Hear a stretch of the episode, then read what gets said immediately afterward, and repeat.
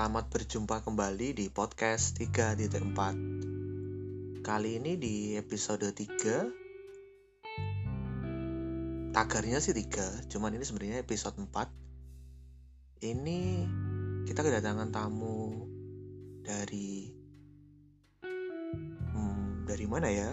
Nanti biar perkenalan sendiri. Topiknya adalah tentang bicarain kuliah S2 Science Management Ekonomi. Oke, siapa narasumbernya? Silahkan, Riz. Dilanjutkan. Oke. Halo, Assalamualaikum. Saya Rizka. Um, hariannya saya dosen di salah satu universitas di Surabaya. Oke, Ya, kabarnya baik, Rizka? alhamdulillah. Baik. Hmm. How about you? Ya, alhamdulillah baik juga.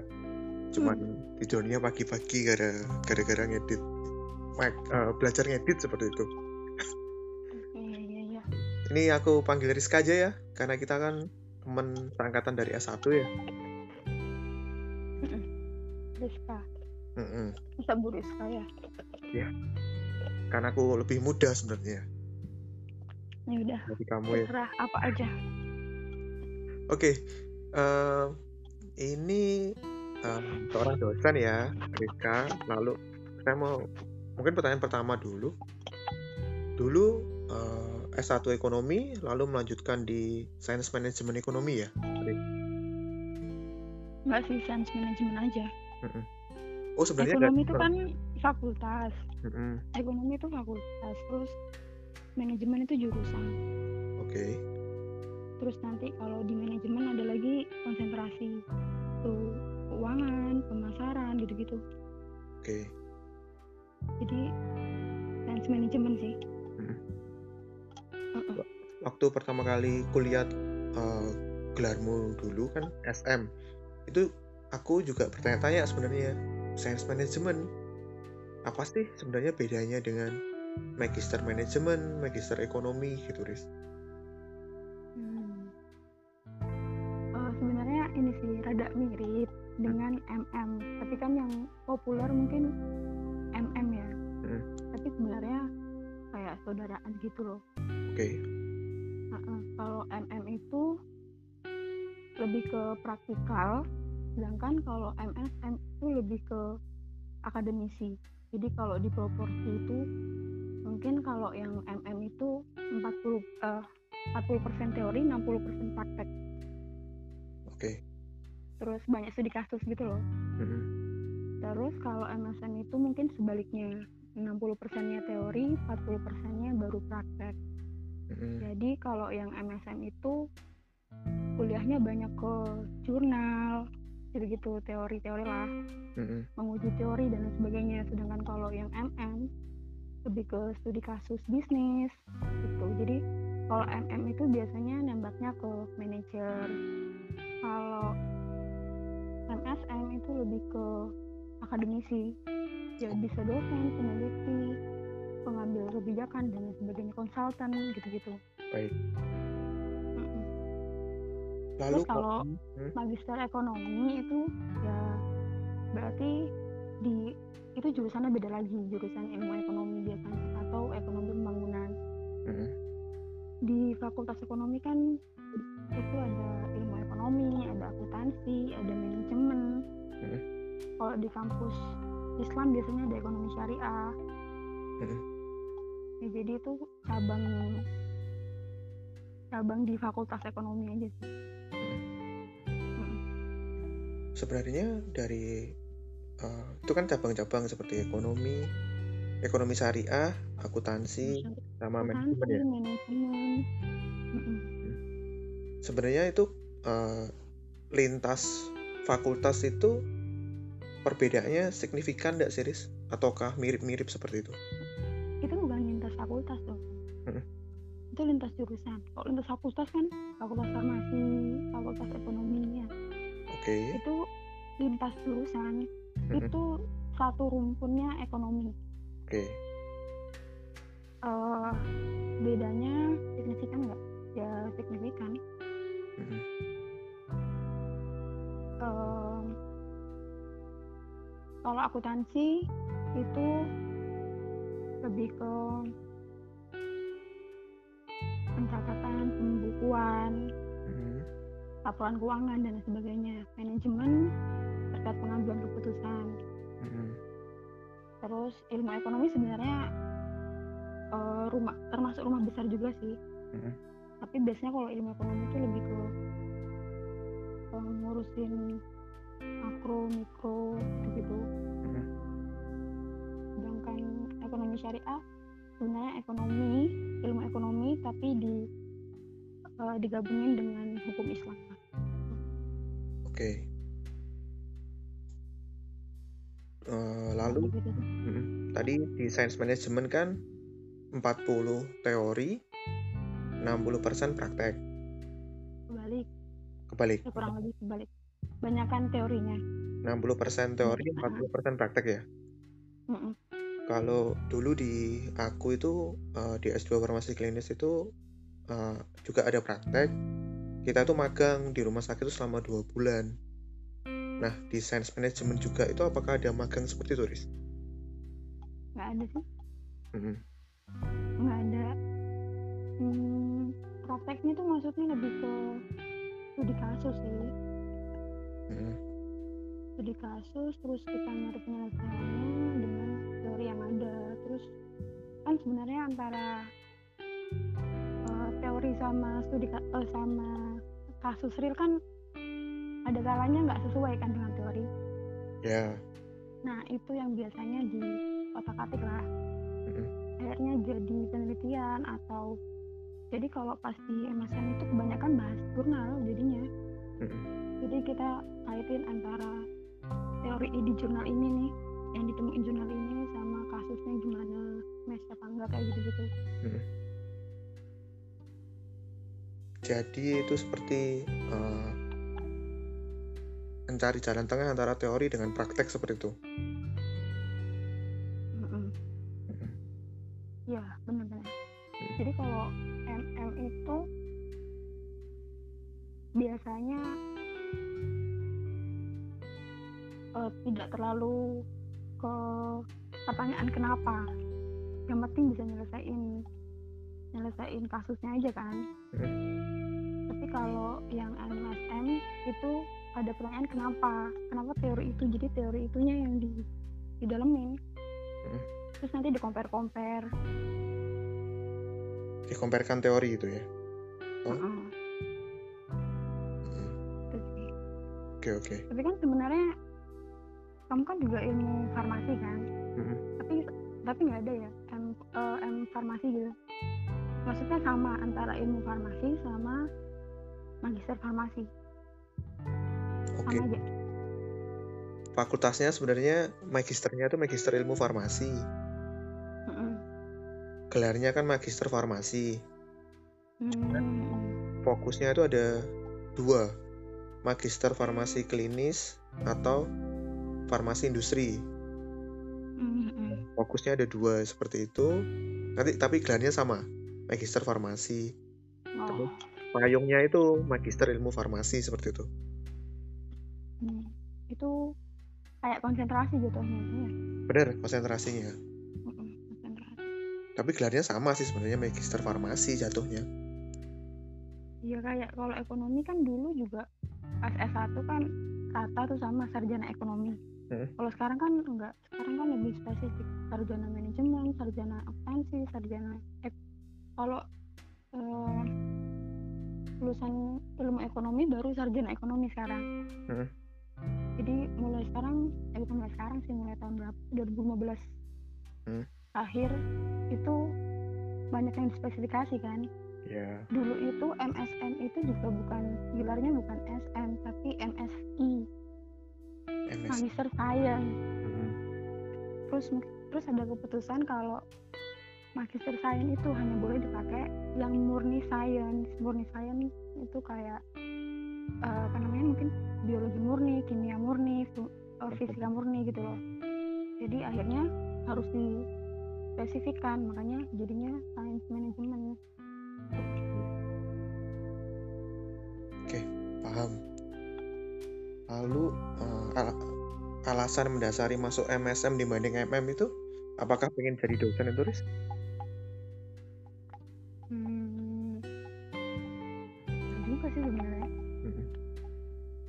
Kenapa kok milih-milih tiba-tiba milih MSM gitu dulu? Oh, karena seingatku tuh dulu pas di UNER itu kalau MM itu harus kerja dulu, maksudnya harus punya pengalaman kerja atau gimana gitu karena memang kan dia mau fokus ke kasus di dunia kerja, Mhm. kasus real gitu. Sedangkan kalau di MSM itu syaratnya harus punya proposal waktu masuk. Proposal apa itu? Proposal tesis, maksudnya proposal penelitian kamu selanjutnya. Mhm. Misalnya kan udah kelihatan beda ya sebenarnya. Satunya emang fokus ke dunia kerja, satunya tuh lebih ke akademisi gitu. Mhm. Nah, ya udah waktu itu aku mikirnya ya kayaknya yang bisa lakuin itu ngasih proposal penelitian. Karena waktu itu emang kan kuliahnya langsung, Mhm. jadi memang belum kerja gitu. Mhm. Terus salah satunya juga kayaknya lebih tertarik untuk belajar itu sampai teori-teorinya gitu.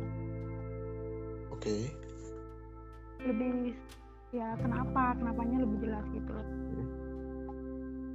tapi sebenarnya kan itu saling terkait aja yang namanya penelitian kan juga berangkat dari kasus Ya.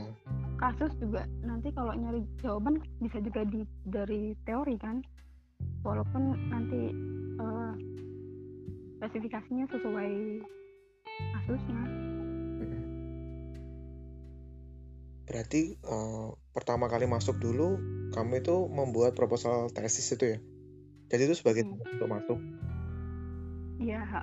Jadi waktu wawancara sih di, dimintain gitu Dimintain proposal. proposal ya Mm-mm. Proposal itu berarti rencananya rencananya mau meneliti apa nih buat tesis gitu. Mhm. Tapi itu udah diumumin di awal sih kalau emang harus buat itu. Jadi kan udah siap. bab 1 2 3 gitu. Bab satu dua tiga. Mhm. Tapi tidak masalah lah ya sebagai pemegang prestasi kumlot gitu ya di S1. Edit edit dikit. ya tambahin fitur-fitur. Padahal nggak dipakai juga. Pas itunya beda. Yang penting kan meyakinkan aja di awal. Lalu di Kenyataannya nggak dipakai. Tapi kan kalau dapat predikat itu kan seperti ada api gitu di dada gitu. PD-nya kan meningkat gitu loh. Ya, nggak juga sih. Oke. Eh, saat awal kan memang bikin proposal tesis. Nah itu akhirnya di tesis kepake Riz yang dari awal itu atau Tadi kan udah bilang nggak kepake. oh nggak kepake. maksudnya eh, yang lain karena pas proposal itu adalah itu maksudnya pengembangannya dari skripsi Hmm. namanya kan juga baru lulus kan jadi yang kepikirannya masih skripsinya Hmm. Jadi itu pengembangan dari skripsi nah pas tesis beda lagi ganti ganti judul udah nggak ada bau-bau skripsi lagi Eh, gitu saya kira dari proposal tesis tadi lanjut sampai tesis gitu kan. Oh, udah lupa itu pak udah tiga semester udah langsung lupa Oke. Eh, awal-awal dulu memang eh, setelah lulus langsung lanjut MSM. Saya tuh kuliah terus atau sambil kerja gitu, Riz? Hmm, eh, kuliah dulu, kuliah S2 satu semester, Hmm. baru langsung baru kerja. Oke. Waktu itu mikirnya adaptasi dulu gitu sama S2-nya. Hmm. Baru udah mulai ngerti, baru kerja. Nggak susah itu kuliah sambil kerja.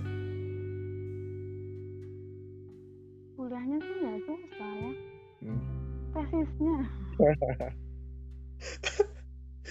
Tapi ya gimana ya, tugas kan setiap hari ya, jadi ya Heeh. ada bukan susah tapi capek kali ya oh kan jadinya ber- kan kalau MSM waktunya aku tuh apa namanya kelasnya setiap hari habis maghrib jam setengah tujuh jam setengah tujuh sampai jam sembilan Iya. Nah jadi kalau kerja kan berarti berang, berangkat dari rumah jam 7 pagi pulangnya bisa sampai jam 10 jam 11 sampai rumah kan? Terus setiap hari gitu. Selama itu yang bikin capek mungkin itu. Mm-mm.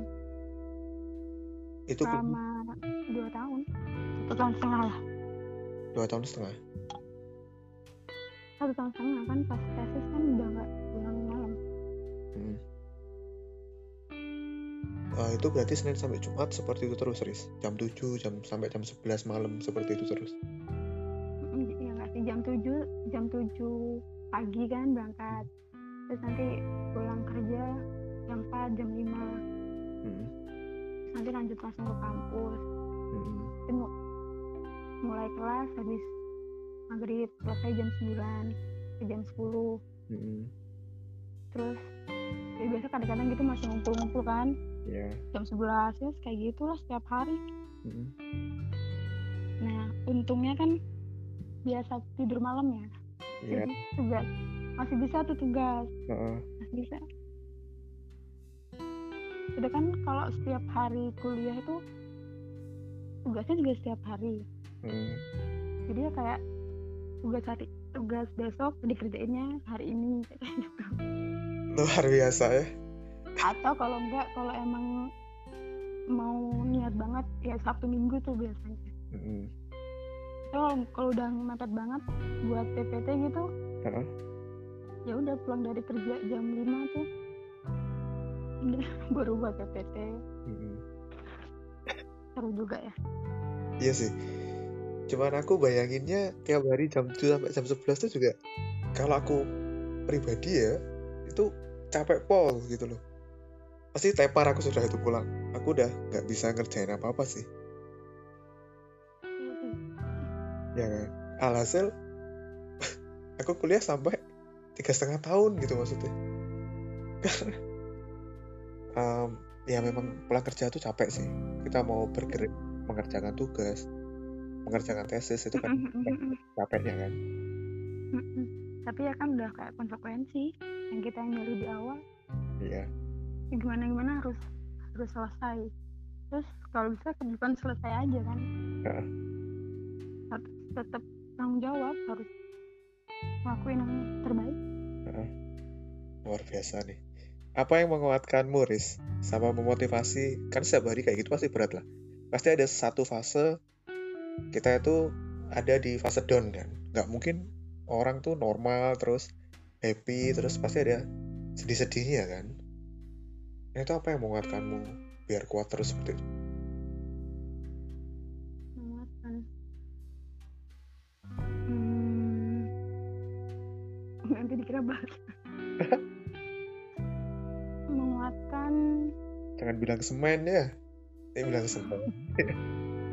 Allah subhanahu wa taala eh enggak lah itu pasti tapi biasanya tuh kalau aku sih orangnya nggak bisa dimotivasi orang ya Iya. Biasanya dimotivasi dari diri sendiri gitu Iya. Eh, kayak mau bilang orang tua tapi ya itu udah pasti gitu tapi kayak tanggung jawab aja gitu Mm. kayak apa yang har- yang udah dimulai harus diakhiri Mm-mm. kadang-kadang kalau harinya kayak berat banget gitu itu hari ini pasti berlalu hari ini pasti berlalu gitu aja.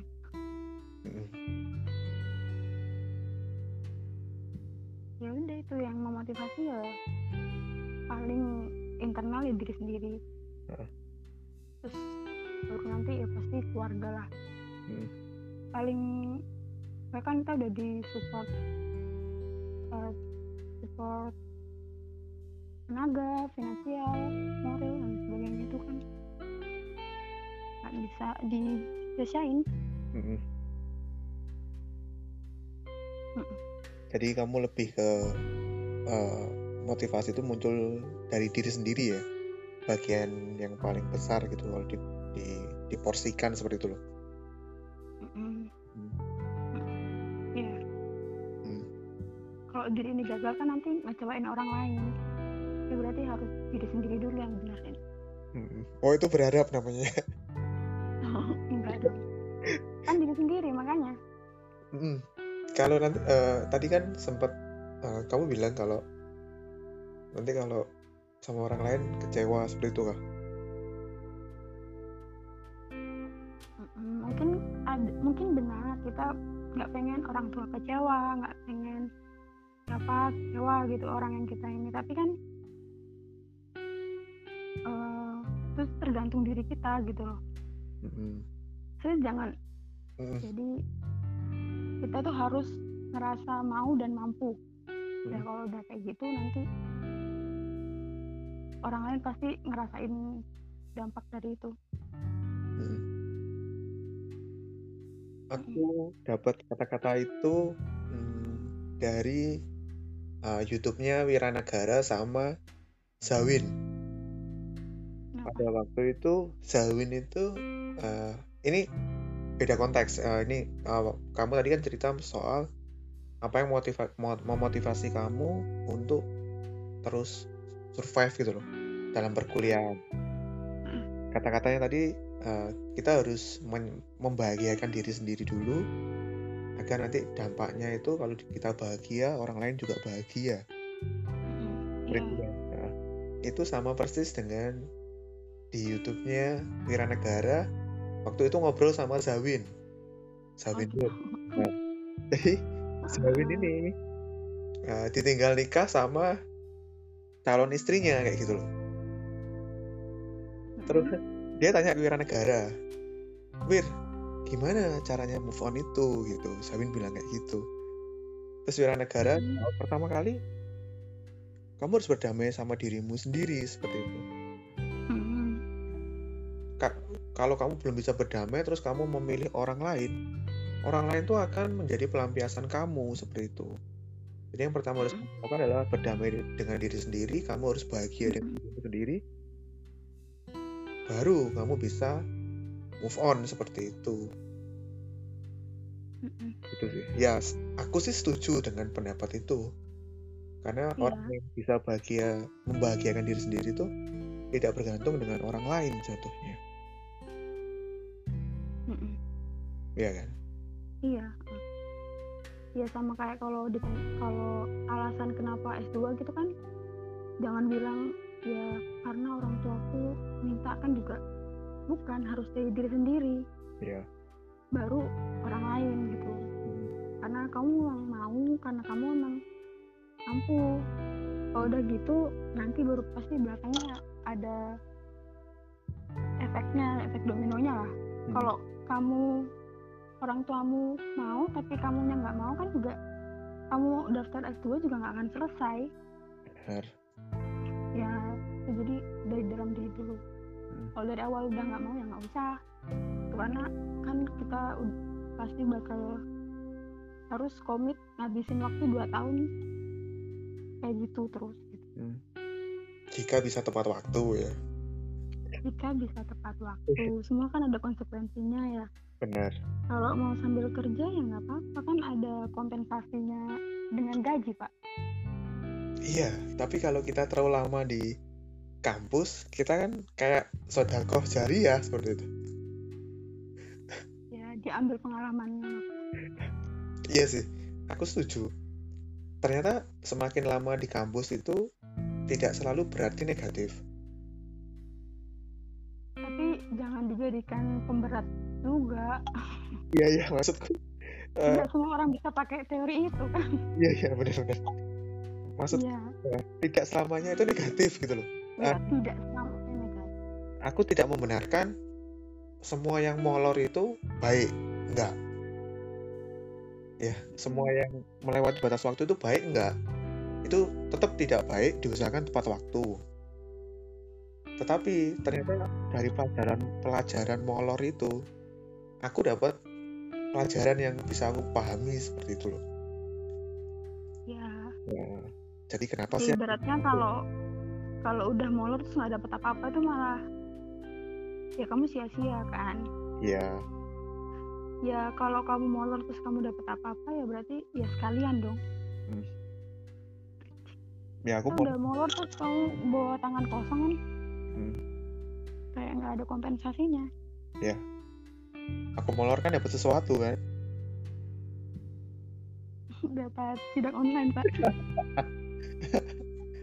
Kalau coba kalau tepat sidangnya nggak online pak? Iya benar. Lalu Desember kan tidak akan terjadi suatu hal yang tidak mungkin disangka-sangka maksudnya gitu loh Riz. Kalau aku waktu loh ya. Oh. lalu. Lalu kembali ke eh, kalau S2 itu eh, harus mulai dari diri sendiri. Aku sangat setuju itu. Karena Mm-mm. kuliah S2 itu juga sebenarnya kuliahnya ya itu tidak seberapa sulit. Itu Mm-mm. di di samping kerja pun bisa sebenarnya. Yang tersulit adalah di proposal sama tesis. Kalau itu tidak muncul dari diri sendiri itu nanti banyak ngeluhnya banyak malesnya dan akhirnya tidak dikerjakan. Mm-mm. itu sih. Soalnya kan tesis itu bukan satu pihak aja. Hmm, kalau apa namanya kalau kuliah kan kita kuliah kita tinggal datang kita ujian ya kalau kita nggak belajar nilainya jelek udah gitu. Hmm, tapi kalau tesis kan ada pihak kedua pihak ketiga. Hmm, banyak banyak faktornya gitu. Hmm, bukan kitanya kita ini udah bisa malas ya. Kita Iya. bisa malas kita bisa lagi nggak mood lagi nggak tahu. Belum lagi ngurusin dosen pembimbingnya mungkin yang lagi nggak mood mungkin dosen pembimbingnya lagi galak lagi apa. Hmm. belum lagi kalau pakai responden belum lagi respondennya belum lagi tempatnya dan sebagainya gitu. Iya. Yang itu lebih ribet jadinya makanya kan aku aja give up ya akhirnya kan. Akhirnya harus resign. Iya. Nah, jadi nggak semua orang bisa. Akhirnya kan pilihan gitu jadinya. Hmm. Jadi memang fase tesis tuh ngajari kita untuk tidak menyerah dan harus tough ya. Bertahan ya Hmm. Nangis sih nangis, aku cowok aja nangis maksudnya gitu. Saat Maksudnya kita datang ke pembimbing itu kita berharap untuk ACC. Kita iya ber- ya kenapa ya berharap kan. terus setelah setelah dikeluarin kan eh, berkasnya ya Allah lipatannya banyak lagi Ya, itu kayak iya iya ya Om.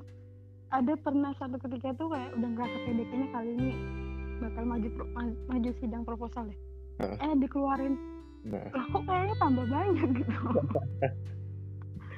Ini aku yang salah ngedit apa gimana? Gitu sih. Bingung ya bener kok. Itu juga terjadi di aku juga seperti itu. Ya memang tesis itu memang fase yang sangat berat.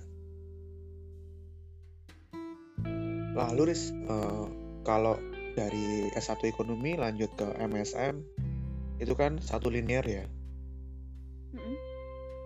Itu kalau S1-nya bukan ekonomi, kalau pengen MSM itu apakah bisa? Hmm, bisa sih harusnya tapi biasanya kalau yang bukan ekonomi lebih ke MM yang diambil Heeh. karena kan kalau kalau MSM maksudnya kalau ngapain orang non ekonomi tapi nyari teori gitu loh Hmm. biasanya kalau orang non ekonomi maksudnya MM Hmm. kalaupun ada kelas itu ada yang dari matematika gitu ya ada sih yang ngambil soalnya sebelum masuk MSM biasanya ada kelas matrikulasi dulu untuk kurang lebih bisa menyamakan pengetahuan mahasiswanya gitu Oh. jadi ada kelas matrikulasi perkenalan gitu selama satu bulan Hmm. Terus kita diajari bab besarnya manajemen eh, bab, eh, konsentrasi manajemen kan ada empat Hmm. nah itu diajari kayak manajemen keuangan manajemen pemasaran SDM sama operasional ya Hmm. udah itu jadi ketika masuk semester 1 kurang lebih tahu lah pada tahu dasarnya apa gitu Hmm. Nah, jadi boleh dari ya, lintas lintas ilmu lintas ilmu nah Mm-mm. pas eh, pasti kan yang lintas ilmu kan butuh effort yang lebih tinggi dibandingkan yang satu linier kan Iya. nah apakah itu eh, belajarnya itu memang maksudku eh, total total banget gitu kah maksudnya belajar seperti kita harus seperti menguasai ilmu S1 dulu S1 ekonomi ataukah hanya cuma bagian-bagian tertentu doang. Yang di S2 itu seperti itu maksudku. Hmm, bagian-bagian tertentu aja. Jadi tidak total kan? Tidak total ya. Eh, lagian kan emang S1 pasti lebih kompleks. Kita bangun dasar banget kan? Magister ekonomi. Kan, eh, eh, kalau dari lintas ilmu kita nggak punya pondasi tuh Mm-mm. Hmm. nah ngejarnya apakah susah atau mudah kalau kita mau MSM atau MM atau ME gitu Riz Hmm, relatif kan kalau bilang susah atau enggak Mm-mm. tapi pasti ada effort lebih daripada yang S1-nya punya background kan Heeh. makanya upaya upa- upayanya untuk menyamakan kemampuan itu tadi ada matrikulasi. Nah matrikulasi matrikulasinya itu juga nggak nggak wajib buat yang yang dari eh, background ekonomi gitu. Mm. tapi biasanya kita ambil aja udah ikut gitu.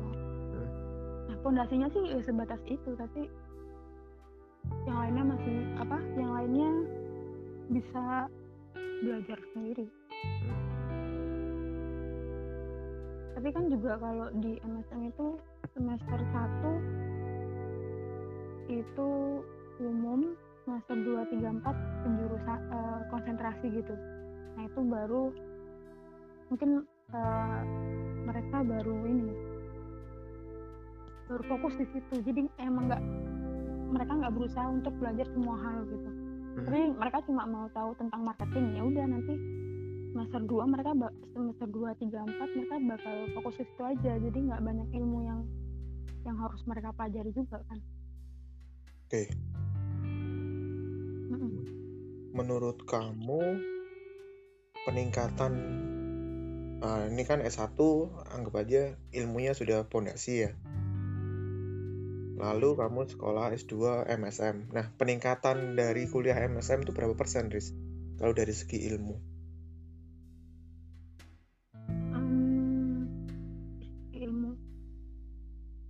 dari sisi Hmm. keilmuan ya sebenarnya malah banyak yang diulang kok Hah? banyak yang diulang cuma akhirnya kayak lebih ngertinya justru udah S2 Hmm. ketika S1 eh, mungkin karena terlalu banyak kan kalau di S1 tuh kan kayak semua ilmu masuk gitu Hah? dan kita sebenarnya kayak nggak pernah bener-bener tahu tapi ketika udah S2 tuh jadi lebih fokus aja perasaan jadi lebih tahu oh ini tuh maksudnya ini. Ya terus ya mungkin karena pengaruh juga kalau di kelasnya cuma sedikit mahasiswa gitu kali ya. Hmm. gitu jadi sebenarnya em, ada banyak yang diulang tapi diulangnya dengan pertanyaan kenapa gitu maksudnya. Bukan cuma dikasih teori bla bla bla tapi ya kenapa bisa kayak gitu? Hmm. terus eh, dikasih case ketika A B C D jadi bukan cuma satu case aja kayak gitu lebih ke situ jadi lebih kembangkan aja. Tapi sebenarnya intinya sama sih mengembangkan aja. Pengembangan. Pengembangan sama ngebentuk pola pikir gitu kali ya. Yes itu sih yang part yang penting sebenarnya di S2 adalah perubahan pola pikir. Setuju aku karena aku juga merasakan hal, hal, yang, hal yang sama. Kalau soal keilmuan sih mungkin cuma upgrading sekitar 40% 40 persenan lah. Tapi yang paling signifikan adalah pola pikir sih. Iya karena kan memang kebanyakan kita dapat ilmunya ya dari S1 memang kan. Mm, Sarah juga empat tahun gitu jadi banyak. Kalau di S1 semua dimasukin. Namanya juga mastering kan? Iya mastering. Mastering kan ya lebih kokoh. Kalau S2 apa? Allah Re- reviewing. Oh enggak S2 S2 yang mastering. Heeh. S1 ya fondasi. Buat fondasi kan lebih lebih susah tuh daripada kamu nempelin wallpaper beli beli apa namanya bingkai dan lain sebagainya. Kalau bikin fondasi kan lebih lama harus bener-bener kuat tuh. Mm. itu kali ya salah. Iya. bikin fondasi tuh kayak ngeyakinin orang gitu. Hmm. agak yang agama apa? Jangan agama udah dah udah dah ke mana-mana. Tiang agama ya terus kamu bilang fondasi jadi kayak tiang agama sholat atau enggak ya udah bener. Udah ke mana-mana. Bukan ngeyakinin agama. Iya. Yakinin agama dong. Dibawa ke iya kan sholat adalah tiang agama. Iya. Udah ke mana-mana. Lalu nah kan tadi nah, oke itu nah ini kan setelah tesis sidang tesis kan selesai nah itu apakah juga harus publish jurnal di minimal terakreditasi nasional ataukah boleh proceeding seperti itu Riz? Hmm, kalau sekarang beda, beda peraturan sih. Hmm. Kalau zamanku itu berarti tahun 2018 ya. Hmm. Itu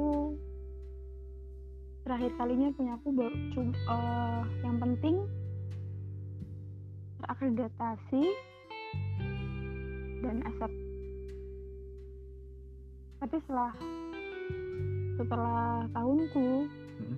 itu wajib ini wajib internasional jadi pas aku nggak kena internasional Hmm. tapi adik kelasku kena internasional. Itu internasional tuh accepted atau publish nggak tahu ya nggak tanya saya nggak tanya aku. Berarti internasional. nasional udah nggak boleh ya itu ya nasional yang internasional boleh? Nasional internasional boleh kayaknya kan juga banyak yang sudah nasional yang internasional yang skopus itu Mm, ya boleh boleh. Beberapa tapi kan kadang-kadang gitu kayak kalau nunggu sampai publish kan itu bisa lama kan? Enam bulan dong. Nah, iya kalau nggak Ya. ditolak untuk reviewnya bolak-balik. Hmm. ya itu. Biasanya gitu. Ah. Hmm. sedangkan mahasiswa kan butuh ijazah tuh. Nah kadang-kadang biasanya ada lobby-lobby untuk ayo di asap aja deh asap aja jangan sampai publish Hmm. makanya itu harus punya orang dalam ya. Ya itu kayaknya. Itu lebih penting dah. Itu kepintaran tuh ya It- ka- kalau ada orang dalam tuh uh, kalau untuk orang normal mungkin stepnya kan satu dua tiga empat lima Mm-mm. kalau orang dalam mungkin dari satu bisa langsung ke empat seperti iya. Akhirnya antriannya makin ke belakang gara-gara orang dalam itu. Iya. Orang dalam ini kayak calo ya tadi. Ah, itu terlalu kasar. Mm-mm. iya. Aku tarik deh calo itu. Koneksi. Iya koneksi. Lebih kuat orang dalam sama dengan koneksi gitu ya. Iya koneksi. Apalagi kalau koneksi protokol. negosiasi ya. Iya iya. Melobi-lobi lah istilahnya. Oke kan salah satu skill yang dibutuhkan dewasa ini ternyata benar. Karena di industri 4.0 ini kan kita diharapkan untuk berkolaborasi seperti itu loh.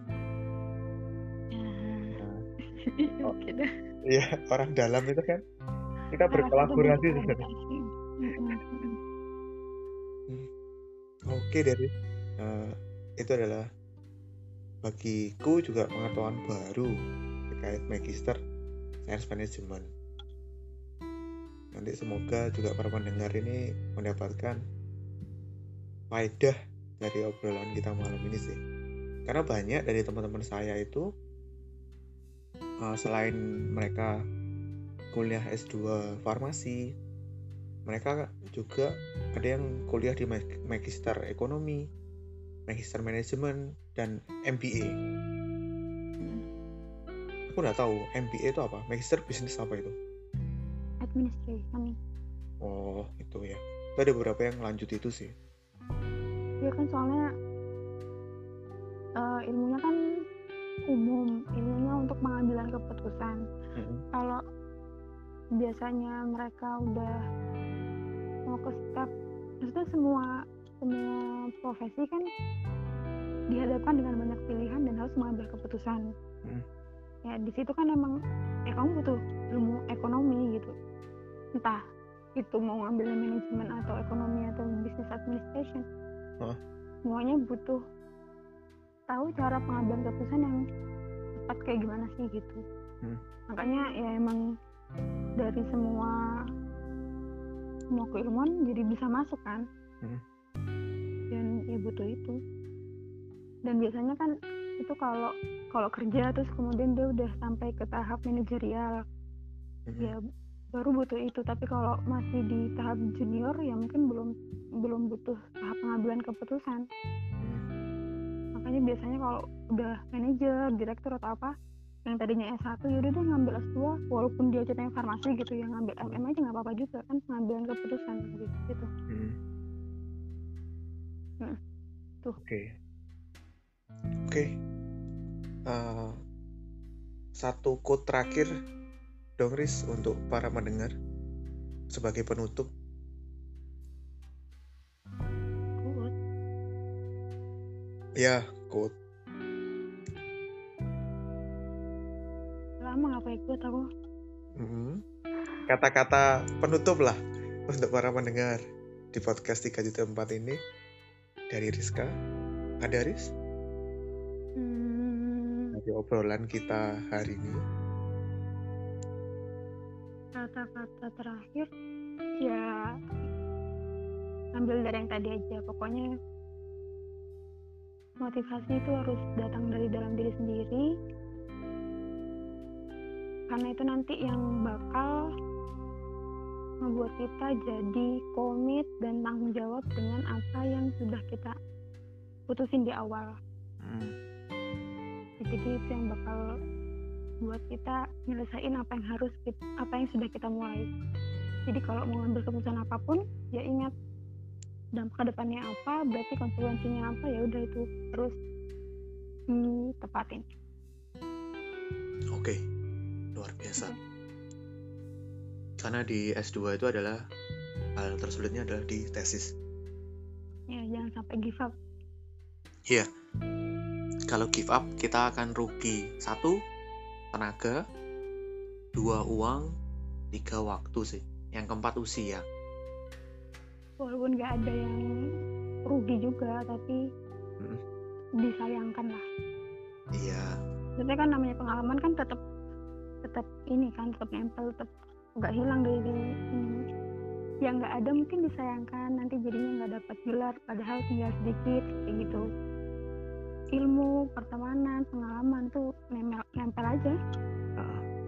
Mm-mm. Jadi predikatnya hanya mantan mahasiswa S2 apa gitu ya. nah ya gitu ya Iya. M-nya itu kan jadinya mantan farmasi. oh ya Iya. iya. M-nya mantan sarjana manajemen iya. Ma- mantan sains manajemen seperti itu nanti jadinya. nggak jadi magister jadi ya mantan ya Iya mantan itu.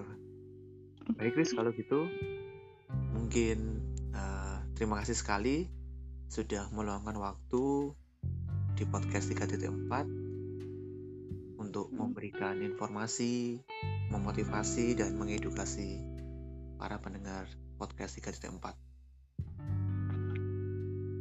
sama-sama. Sama-sama baik sekian para pendengar. Sampai berjumpa di episode berikutnya.